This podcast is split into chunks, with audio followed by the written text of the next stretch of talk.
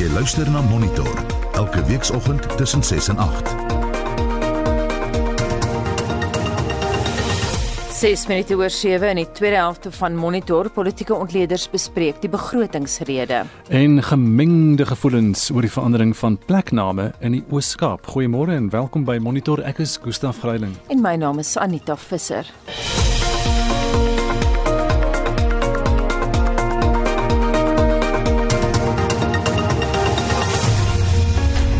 Dis 11 minute oor 7 en ons gaan nou terug na die um, begrotingsrede, die groot nuus van die dag. En vroeër het Monitor gefokus op die ekonomiese aspekte daarvan, maar nou kyk ons na die politiek.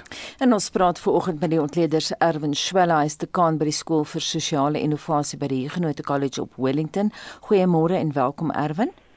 Goeiemôre almal. En dan praat ons ook met 'n bekende politieke ontleder en ook 'n ekonomiese ontleder, JP Landman. Môre JP. Môre Anita, môre Gustaf. Jy het nou albei gister eh, die toespraak met Arends so dopgehou.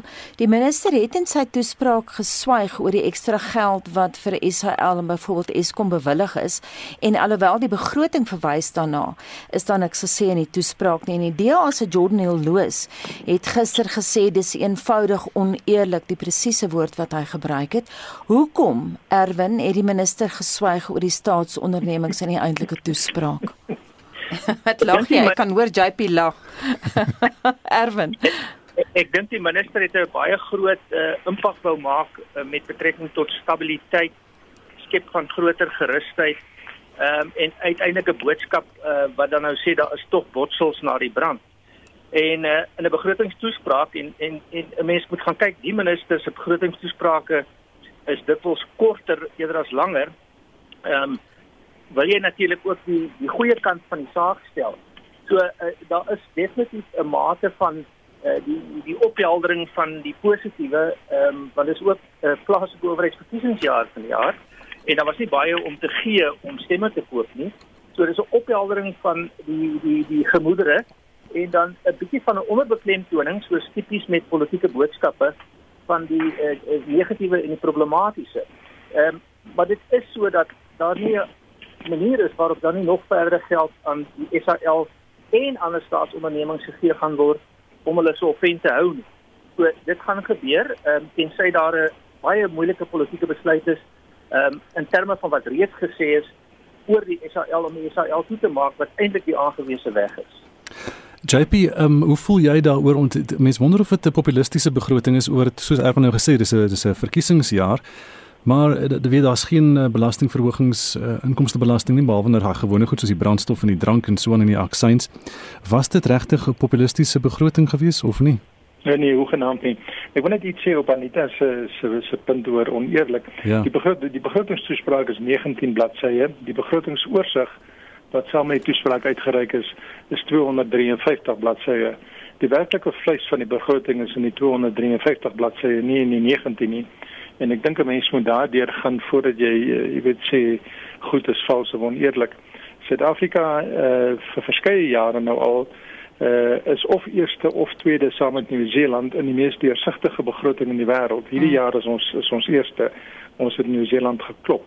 So ek dink regtig nie 'n mens kan sê van die begroting dat uh, ja, die aantekenings wat gemaak is nie.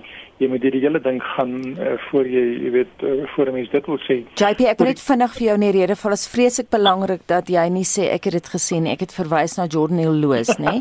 dit is die woord wat hy gebruik het. So ek ja. wil dit net regstel voordat uh, ek oor die vingers getik word. maar gaan jou. voort, gaan voort JP. Ek ek ek hoor jou.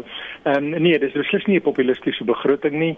Die uh, maatskaplike toelaas vir mense oor 60 en kinders onder 18 uh, skuif maar met iets soos 1 en 2% onder in die helfte van die inflasiekoers.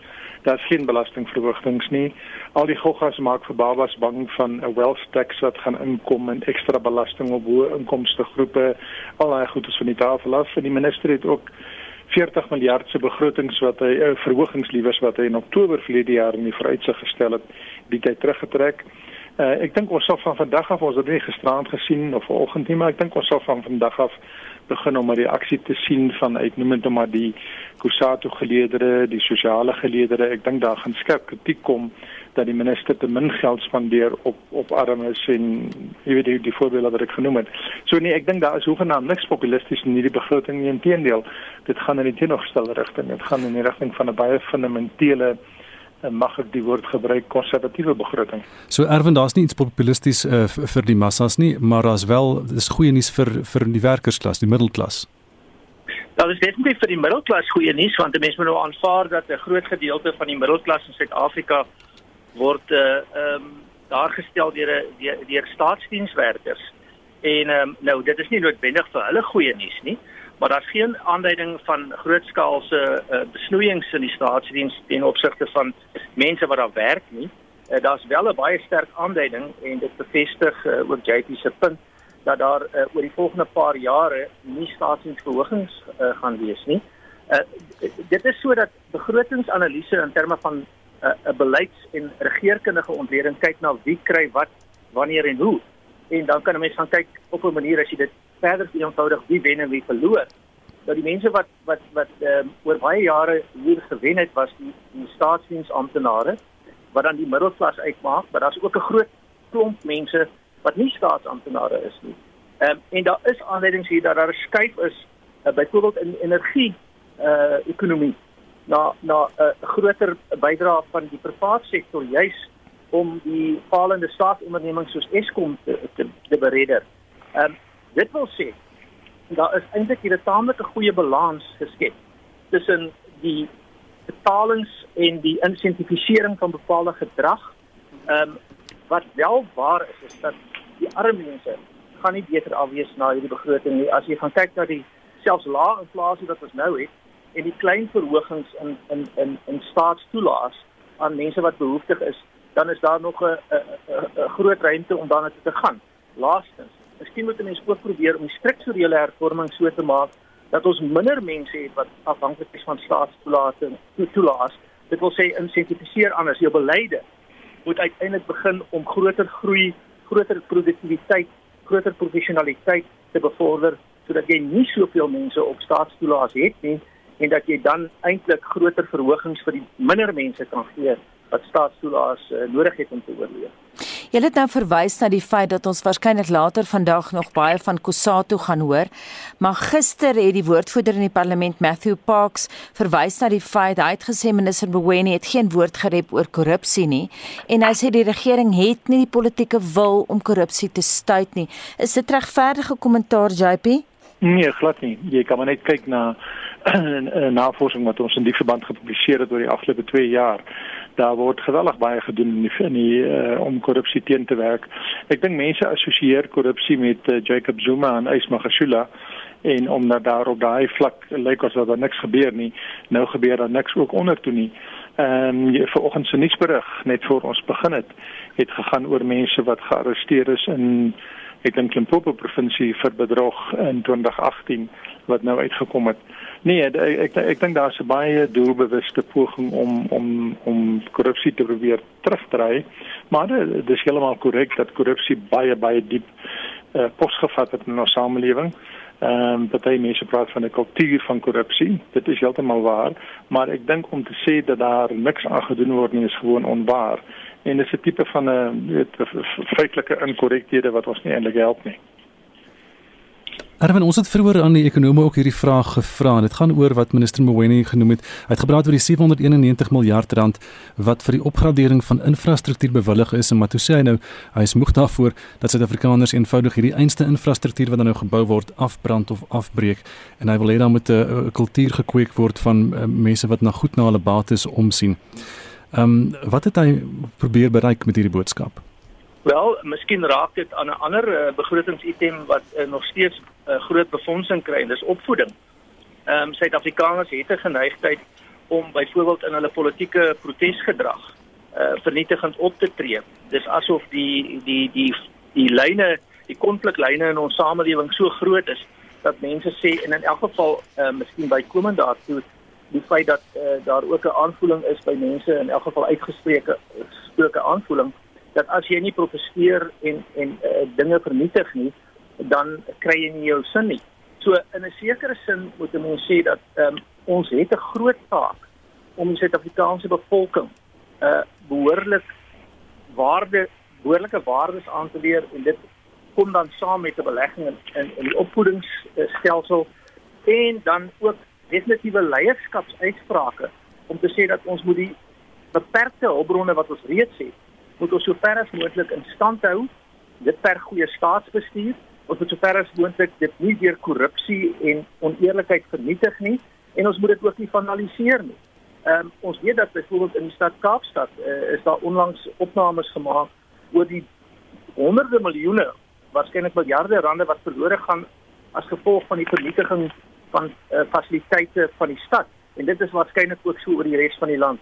Miskien net 'n laaste en vinnige punt ehm um, ehm um, daar is 'n sterk institusionele respons eh uh, eh uh, uh, uh, JP het verwys na die na die na die definitiewe optrede teen korrupsie, maar ook 'n sterk institusionele respons.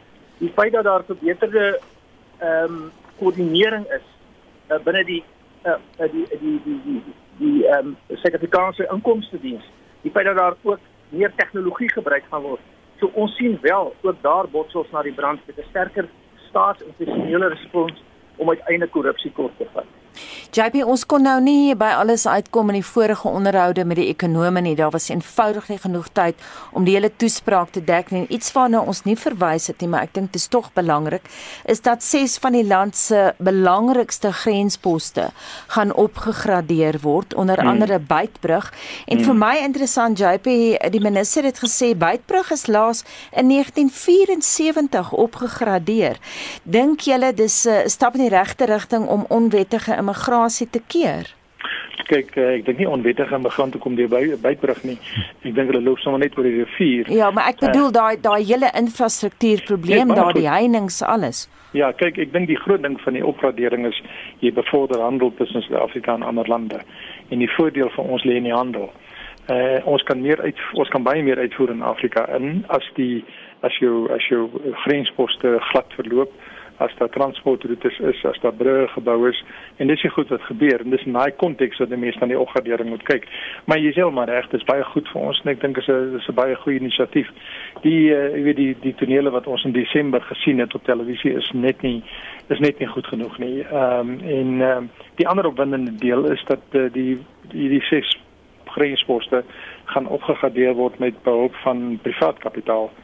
Ehm um, en dit jy weet dit is ook 'n goeie teken. Nee, ek dink die die politiek van hierdie begroting vir my is is geweldig uh, interessant.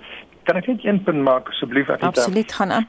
Wat uh, wat wat gister in die begroting nie so duidelik uitgespel is nie. Daar is 'n grafiek daaroor, maar dit het nie die hooflyne gemaak nie. Ehm um, dit is die eerste keer in 6 jaar. 2021 gaan die eerste keer in 6 jaar wees wat die ekonomie vinniger gaan groei as die bevolking. Nou dis natuurlik deels omdat ons kom van 'n lae COVID basis af. Mens moet daarvoor toelaat. Maar die feit bly staan ons ehm um, uh ons bevolkingsgroei koers as jy toelaat vir een um, onwettige immigrant elke 2.5 minute is 1.6%. Hmm. Die ekonomie gaan vir jaar 3.3 groei. Dubbel die bevolkingsgroei. En ons het nou vir 6 jaar lank dit nie gehad nie. Ons het vir 6 jaar lank agteruit geboer. Uh en COVID natuurlik was was was die slegste van die 6 jare. Nou met 2021 uh, is daar 'n baie baie goeie kans dat ons daai ding kan omdraai. En as ons daai prestasie kan volhou in 2022, ons kan praat wat die voorwaardes is. As jy dit kan volhou in 2022, dan dink ek regtig is ons besig om 'n daai 6 jaar tendens te breek en en op te gaan. So JP, ek wil net gou teruggaan na iets wat jy nou vroeër gesê het net om te bevestig oor die opgradering van die grensposte. Jy sê dit gaan daaroor om dit te moderniseer dan met ander woorde en om die die vragvervoer daardeur gladder te kry. Hoe baie verloor ons in hierdie stadium vir die ekonomie deur grensposte wat verstop raak? Uh, ek weet nie wat die verliese is nie. Ek dink nie daar is al dit is al gekwantifiseer nie. Maar vir net van jouself, ehm uh, die wagtyd by by Beitbrug nou in Desember was soveel soos 4 dae. Nou selfs al is jy net 'n toerist wat in Suid-Afrika wil inkom om hier te kom geld uitgee of iemand wat uitgaan uh, buiteland toe, uh jy weet dit is dis 'n ongelooflike las. En as jy 'n groot vragmotor het wat vol gelaai is en daai vragmotor werk maak eintlik maar net geld as hy ry. As hy stil staan, maak hy nie geld nie. Nou moet hy vir 4 dae lank stil staan by die grenspos. Jy weet dit die koste daarvan is geweldig, die frustrasie is geweldig. En dis wat jy die weg het wil ry, jy wil vrye of vloeiende verkeer hê in elk geval van beide mense en vrag. Dit kan net goed wees. Erwin, wil jy aansluit daarbey? Ja, presies. Ek dink uh, die die hele idee van immigrasiebeheer is ook iets om na te kyk, maar dis nie die primêre uh, kwessie hier nie. Die kwessie hier is daar's 'n vrye vloei van van handelsgoedere ehm um, nodig om uiteindelik 'n uh, groter groei te kry en dit het ook 'n uh, 'n verband met met 'n groter afrikanisering van ons kontinent. Ons weet mos dat Afrika Afrika Unie en spesifiek onder ons president in die vorige termyn gekyk het na na 'n groter eenheid en veral na meer en meer handelsooreenkomste om die handel in Afrika oop te maak. So daar is 'n politieke doelstelling en dit is 'n uh, in wese 'n goeie doelstelling. Uh, as daar egter dan op die institusionele vlak weer groot probleme is met die vloei van van verkeer en goedere en mense, dan vernietig jy eintlik daai voordeel.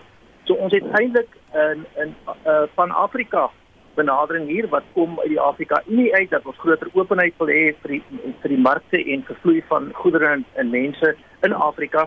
As die grensposte dan geblokkeer is, ja, dan dra dit nie by tot die uiteindelike realisering van daai uh, lofwaardige doelstelling. Erwin ons het vroeër gepraat oor oor of dit nou 'n populistiese begroting is of nie en, en een van die groot dinge wat uitkom ons luisteraars vanoggend kla ook daaroor is dat die SASSA toelaat uh so marginaal aangepas is baie min is onder inflasie dis 1, iets persent waarmee dit aangepas is. Uh, maar daar is daarom voorsiening gemaak sien ek 11 miljard rand werkskepping, 9 miljard rand vir COVID-19 herstel en stofprogram. Ja, ehm um, dit is so dat 'n mens moet natuurlik gaan kyk na ehm um, wat jy kan doen onder die omstandighede. Onthou die die konteks van hierdie begroting is 'n meervoudige stel krisisse waarvan COVID uh, maar net die kulminasie was, maar voor dit het ons krisisse gehad in terme van armoede, werkloosheid, ongelykheid en terselfdertyd uh, dan ook oor tyd ehm um, grootskaalse korrupsie. So onder hierdie omstandighede moet 'n mens kyk wat jy kan doen en dan is dit 'n kwessie van balans. En ek dink beide die politieke en ekonomiese ontledings wys daarop dat hier 'n relatief goeie balans geskep is onder baie moeilike omstandighede. Ja, mense sou baie graag wil hê dat daai uh toelaas verhoog word. Dit is in 'n sekere sin ook nie net 'n weggee van geld nie, dis 'n soort uh kussing en 'n en, en 'n versekeringspolis teen grootskaalse maatskaplike opstande wat moontlik is as as as die armes nog verder benadeel word. Uh dit wil sê ons moet mooi gaan kyk na die feit dat dit nou baie min verhoog het, maar ons moet terselfdertyd insentifiseer dat daar groter werk geskep, meer werk geskep word sodat minder mense afhanklik is. Onthou uh die die vergelyking daar is, is as jy baie mense het die vir wie jy beperkte geld miskien dan kan jy hulle min geld gee. Ons moet minder afhanklikes hê van hierdie toelaas en dan kan ons uiteindelik vir die wat regtig nog steeds gemarginaliseer is, uh, help en ons moet terselfdertyd doen wat die wat die minister nou gedoen het om werkskepping te insentifiseer. En terloops net om op te som, die staat kan nie werk skep nie. Die staat moet die produksiefaktore van die samelewing, kapitaal, arbeid, grond en ondernemerskap bevorder om uiteindelik die toestande te verbeter sodat werk geskep kan word en dan is dit 'n soeke na 'n balans.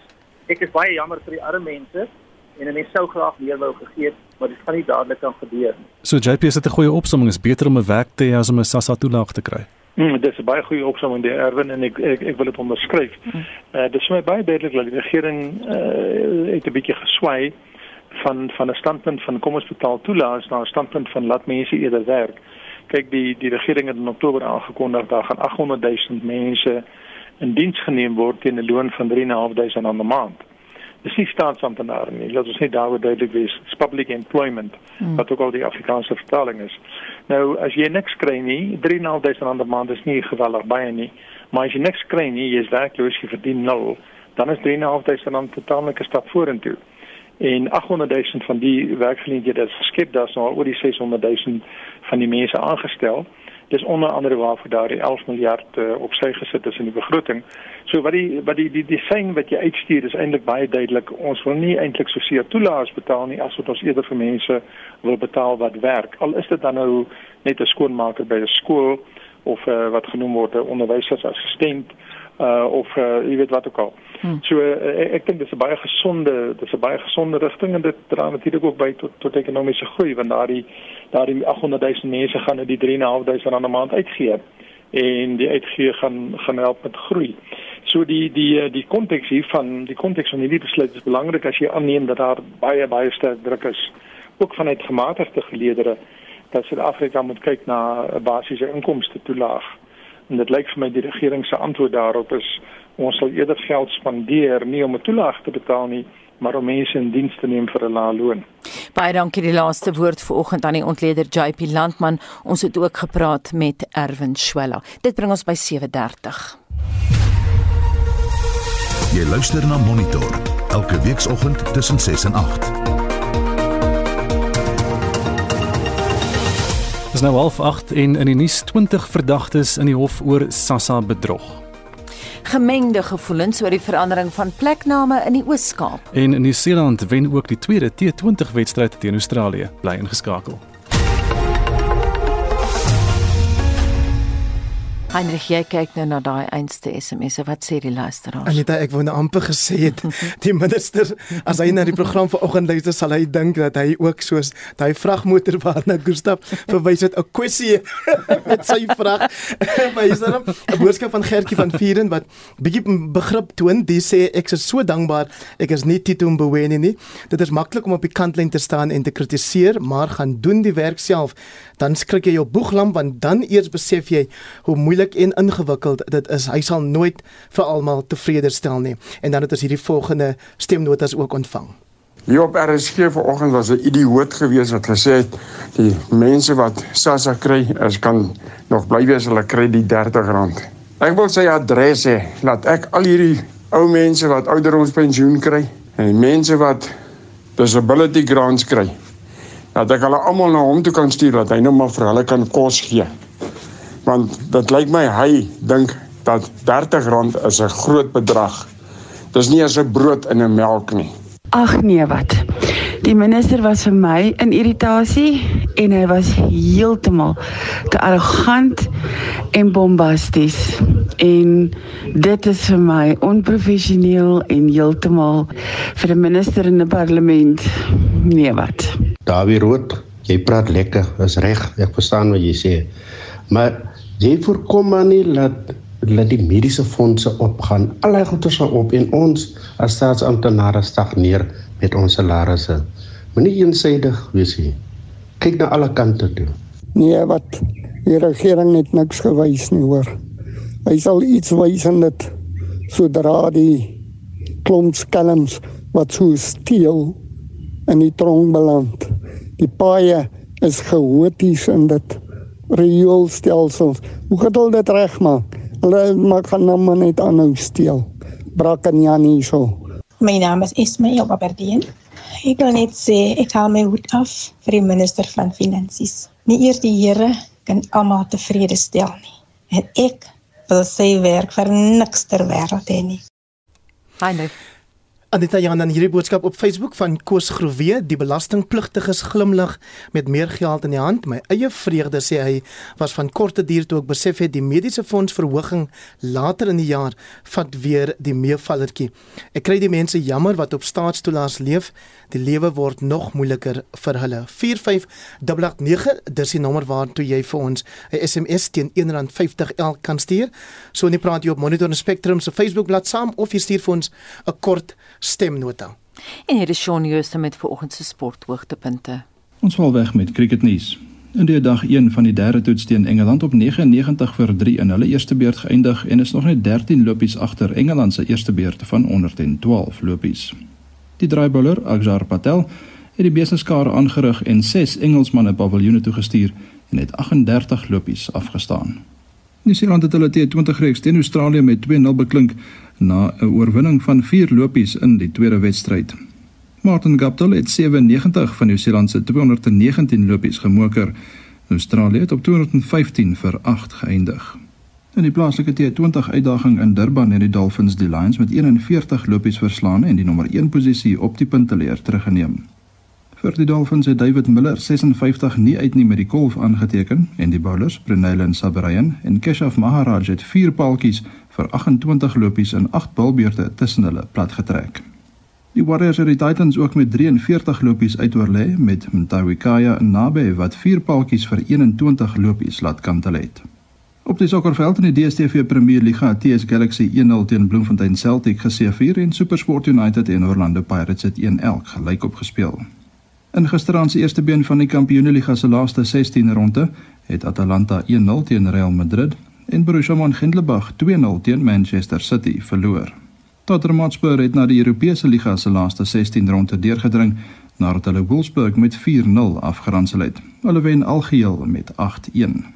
In finansie tweede been wedstryde kom Ajax Amsterdam teen Lille, Arsenal teen Benfica en Napoli teen Granada te staan. Dit is 5 voor 8. Dan teen hier draf Roma teen Braga, Leicester City teen Slavia Praag en Manchester United teen Real Sociedad op die veldtyd. Op die golfbaan slaan die jaar se eerste wêreld golfkampioenskappe toernooi vanmiddag kort voor 6 in Bradenton in Florida af. Dit is 'n sterk veld van 73 wat 48 van die wêreld se top 50 spelers insluit. Die ses Suid-Afrikaners wat deelneem is Louis Oosthuizen, Christian Besaidnout, Erik van Rooyen, Brandon Stone, JC Ritchie en Daniel van Tonder. Die Amerikaner Patrick Reed is die verdedigende kampioen. Totale prysgeld beloop 10 en 'n half miljoen dollar. Die PGA Tour se Puerto Rico Ope begin ook vanmiddag 4uur met Brandon Grace, die enigste Suid-Afrikaner in die veld van 132 spelers. Victor Hovland van Noorwe was die wenner in 2020. En die LPGA Tour word ook weer voortgesit by die Cambridge toernooi in Boca Raton ook in Florida.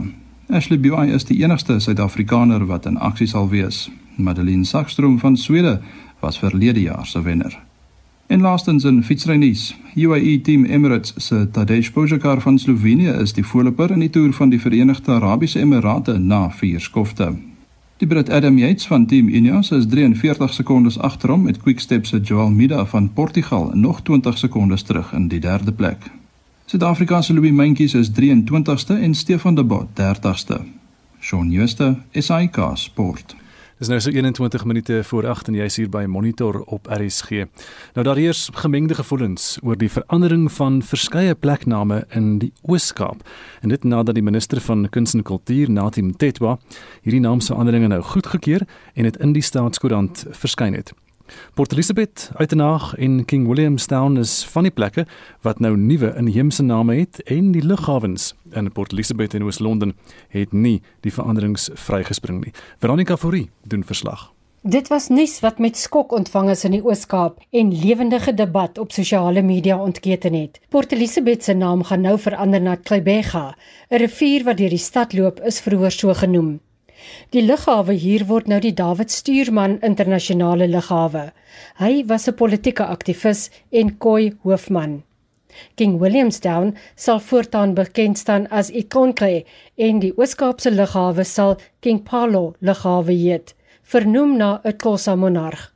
Khoisan aktivis Christian Martin sê dit is 'n regte stap om die Khoi en San groepe te erken. Is baie gelukkig vir die naamverandering wat plaasgevind het om die nuwe lughawe te het vanaf HF vervoerd vanaf Queen Elizabeth en nou is dit Chief David Stuurman een van ons groot leiers in hierdie omstreek waarin ons nou staan. Ook die koi hoofman van die Damasonka in die metro Chief Gamklayop Maleba is verheug oor die stap. Dit is baie verblydend en betekenisvol vir ons as die Khoi of Kwekwena dat die aankondiging deur die minister kom op die datum van sy herdenking van sy 190ste jaar sedert sy heengaan op 22 Februarie 1830. Hy was die chief van die Damakhoi in die Oos-Kaap en is heeltemal gepas dat ons grootvader so vereer word. Meneer Errol Heinz en Colin Abrams van Suideinde Museum was van die eerste persone wat tesame met die KCHDC, die Kaapse Khoi Chiefs, sowel as die ander chiefs die David Stuurman projek begin het. Die Khoikhoi leiers veral van hierdie gebied, sowel as die Khoikhoi leiers van elders, het hard geveg en vertoë gerig vir die verandering van die lughawe se naam van een wat 'n nalatenskap was van kolonialisme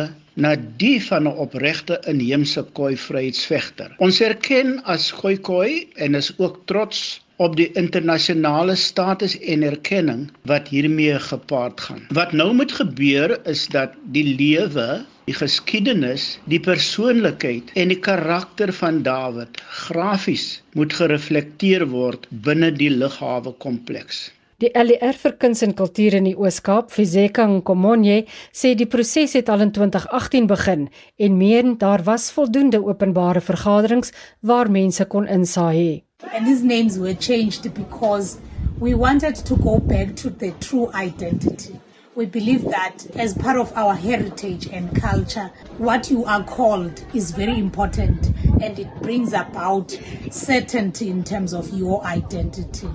We started that process when we received the names and we went about through the council, the Geographical Names Council, consulting all the stakeholders to get views vir my is 'n gemors van geld. Ons het dit nou nodig op hierdie stadium met die pandemie wat ons het. En ek voel dat dit is geld wat die Oos-Kaapse regering elders kon gebruik het. Hoekom teiken geld mors op 'n name wat vir baie jare staan? Hoekom dit wil verander terwyl daar mense is wat honger ly en paaie wat vol gate is? Hoekom verander aan iets wat nie gebreek is nie? Wat 'n belaglikheid. Hoe het uit 'n naag ontstaan? Wie het die lughawe gebou? In plaas van om geld te spandeer in vir arme mense oordentlike behuising te voorsien, waterlekke reg te maak, nog damme te bou vir 'n groeiende bevolking, morsel hulle geld op naamsveranderinge. Vir my is dit 'n totale belaglikheid hierdie naamsverandering. Daar's nie geld vir COVID-medisyne nie.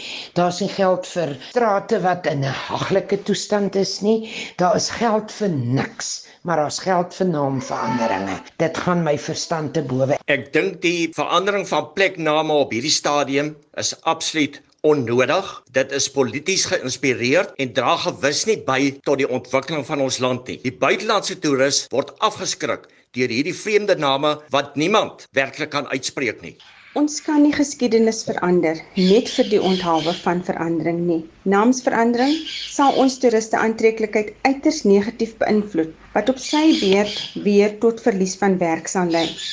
Reken net in plaas van geld te spandeer op kritieke areas soos byvoorbeeld die onderwys of om armes te voed, verander ons name. In my opinie is dit 'n absolute ondeurdagte en absurde idee. Nelson Mandela Bay se onderburgemeester, Chonono Boyeye, sê daar lê groot werk voor vir dorpe om naamborde te verander. Because we know it's going to affect us economically.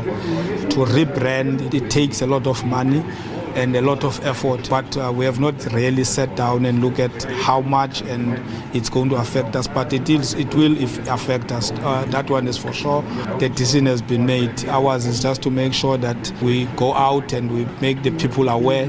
Nog dorpe wat herdoop is, is Berlin wat nou bekend sal staan as Ntabozuko en Maclear sal nou Nkankago genoem word. Veronica Fourie in Klebega.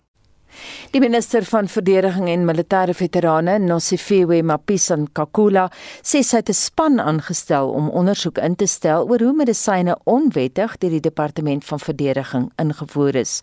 Interferon is verlede jaar ingevoer sonder om die farmaseutiese aankopeproses te volg. Daar is geglo dat dit doeltreffend sou wees teen COVID-19. Amptenare van die departement het voor die parlement se portefeulje komitee verskyn om meer inligting daaroor te verskaf. Zelin Merrington was daar. Die geneesheer-generaal van die weermag, generaal Zola Dabula, het 'n beroep gedoen op die parlement se portefeulje komitee om hulle nie blind te staar teen die administratiewe foute rondom die interferon farmaseutiese middel nie. Hy sê hulle glo die middel kan dalk nie COVID-19 genees nie, maar kan die liggaam se immuniteit versterk. Members of the committee should not shut the door on the military service in terms of utilization of this drug for clinical trials, we might just find ourselves uh, making history in respect of um, the efficacy of this drug. Obviously, all the necessary academic work is being done and uh, going to put it in place in such a way that the information that's going to come out of whatever studies that we're going to put in place is going to be of value to the rest of the world. Die departement het die middel in April verlede jaar ingevoer, maar eers die owerheid wat Suid-Afrikaanse gesondheidsprodukte reguleer in Augustus genader om die middel op grootmaat in te voer. Die versoek is geweier. Daar is ook nou onsekerheid oor of die middel teen die regte temperatuur vervoer en gestoor is. Die hoofuitvoerende beampte van die reguleringsowerheid, Boitumelo Semete, sê hulle is besig met toetse. We've also taken samples from each of the batch to analyze them to check the quality of the product so we would be able to report to that. And the core message is that this product remains to be an unauthorized product. So we will then be engaging with the NCNDF in terms of the proposed plan of how this product, you know, would be dealt once we then get also the results from the batches that samples from the batches that we have taken. Die minister van verdediging, Nosiviwe Mapisa Ngakula, sê 'n span is saamgestel om vas te stel hoekom die produk op die wyse ingevoer is. I do take political responsibility for the medication which is there. What I did not know right at the beginning is that, in fact, the medication is not registered. However, it does not mean that because the medication is not registered, therefore, I must now step back and distance myself from that. I will not, but rather say I've taken cognizance of the mistakes which have occurred along the way. I've also taken cognizance of the procurement processes which have not been complied with. Dit was die minister van verdediging Nosiviwe Mapisa Ngakula. Zelin Merrington, Parlement. En dan goeie nuus, damvlakke landwyd lyk oor die algemeen baie goed, 'n gemiddeld van 86,2% teenoor verlede jaar hierdie tyd se 64,4%. Sputnik Rattau, die woordvoerder van die departement van water en sanitasie, sê die provinsie waaroor hulle bekommerd is, is die Oos-Kaap. The Department of Water and Sanitation can indicate that we have seen a slight drop in the national average from 87.4 a week ago to 86.2. but this is still much, much higher, considerably higher than the 64.4% of about a year ago.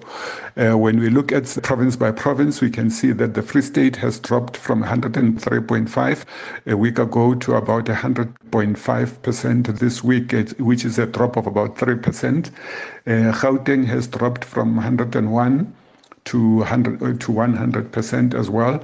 But one of the things that we must always consider is that the Free State still hosts uh, the biggest dam in the country, which is the Kharib, which has decreased to just below 100% at 99.3 this week, and it's still uh, continuing to decrease because we haven't seen the kinds of rains that we had seen over the last few weeks.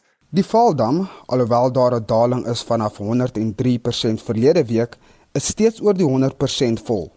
Hierdie daling word toegeskryf aan die opening van sluise. When we look at some of the dams across, uh, as I have indicated, that the Harib is just below 100 at 99.3, although we are still continuing with the transfer to the Orange uh, Fish Tunnel, but that we have also decreased to about 30 cubic meters per second. We still have uh, uh, the Bloomhof, it's still at 101.9%, although it is decreasing. The Val, it is now at 101 as well, 0.6, and continues to decrease. We remember that we had opened some gates at the Val. We, we, we have closed the one gate, and therefore we are left with one gate open. Grot Dry is also at uh, still above the 100% at 102.8, while Bloomhof, also within the integrated Val River system, is still uh, at 101.9%. Mpumalanga het 'n effense toename van 0,6% en die damme is stabiel bo die 80% merk. We can see that in Limpopo the middle Letaba still continues to be uh, of concern because we can see that uh, as of this morning it is at 9.4 while the Zanin Dam is at 103.2 and in the northwest the Klein Mariko Port is at 32.9 while in uh, the Eastern Cape, which is our area of most concern, uh, we still continue to see a lot of areas that are still uh, drought stricken, with uh, the Kucha Dam as an example at 6.9%, Grundal is at 36.7%. Uh, the important in Nweba Dam is at 11.9 and Niveyar is at 4.5. So that still shows you that the Eastern Cape is still struggling quite a bit. The Algoa water supply system is still below 20% at 17% exactly, slightly down from 17.6 last week and very, very much lower than the 27.6 it was at a year ago. And the Amatole uh, water supply system, which is also uh, inclusive of supplying to uh, Port Elizabeth stands at 38% exactly, slightly down from 38.1 of a week ago. Ratau sê die Bloemhofdam op die grens van Noordwes en die Vrystaat staan tans op 104,1% van 'n merkwaardige 110,7% verlede week. The Bloemfontein system is, is a bit steady at, at around 77%.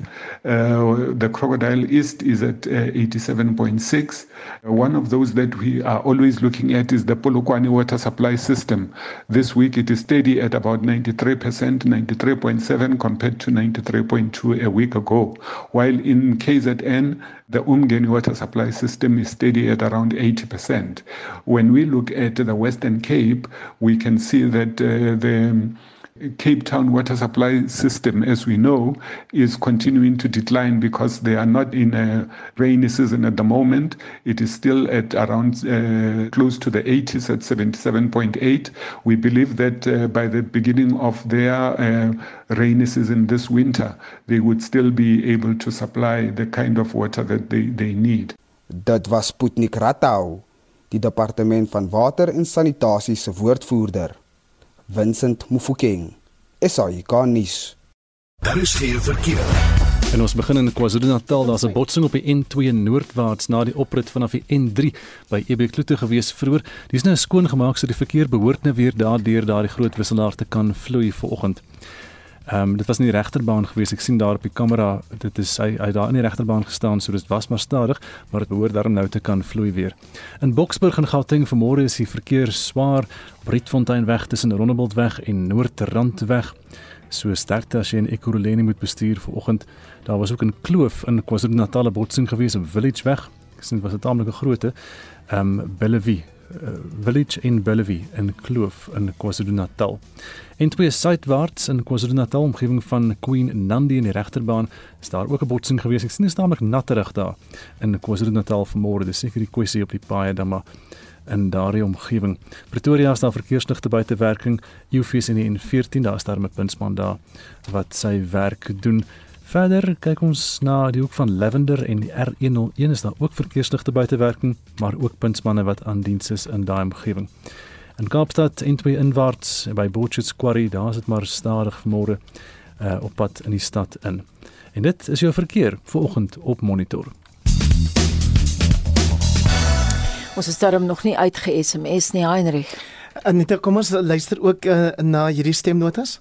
Goeiemôre, RSG is maklik vir die ANC om te sê dat die staats amptenare nie volgens kry vir die volgende 3 jaar nie. Maar wat van die ou suurstof diewe daar in die parlement? Hulle is oor die 60, maar hulle is hulle ver nog vir die staat. Maar as ek op 60 op pensioen gaan, waarmee sit ek? Dan kan ek myself onderhou met hy karige pensioen nie. Ek weet hierdie land is in 'n groot verknorsing en daar's soveel goed wat moet terugbetaal word aan lenings. Maar rarig, ehm um, hulle kan vir hierdie kinders wat kinders maak net bietjie minder gee of daai stop en dit eerder vir die ou mensies gee wat moet lewe van 1890 rand 'n maand. Ek meen dit is seker 'n mandjie vol goed, dis nie eens naby 'n trolley goeders nie.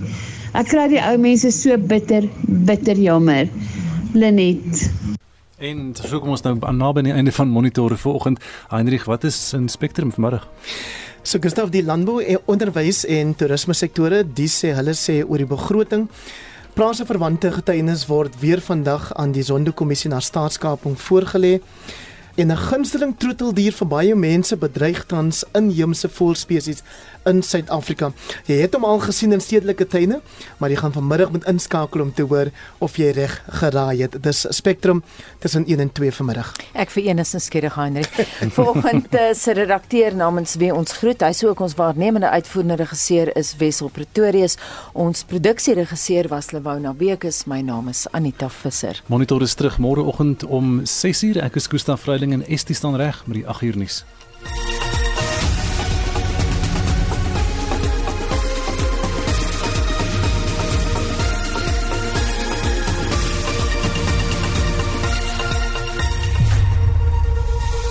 SAK nuus. Onafhanklik, onpartydig.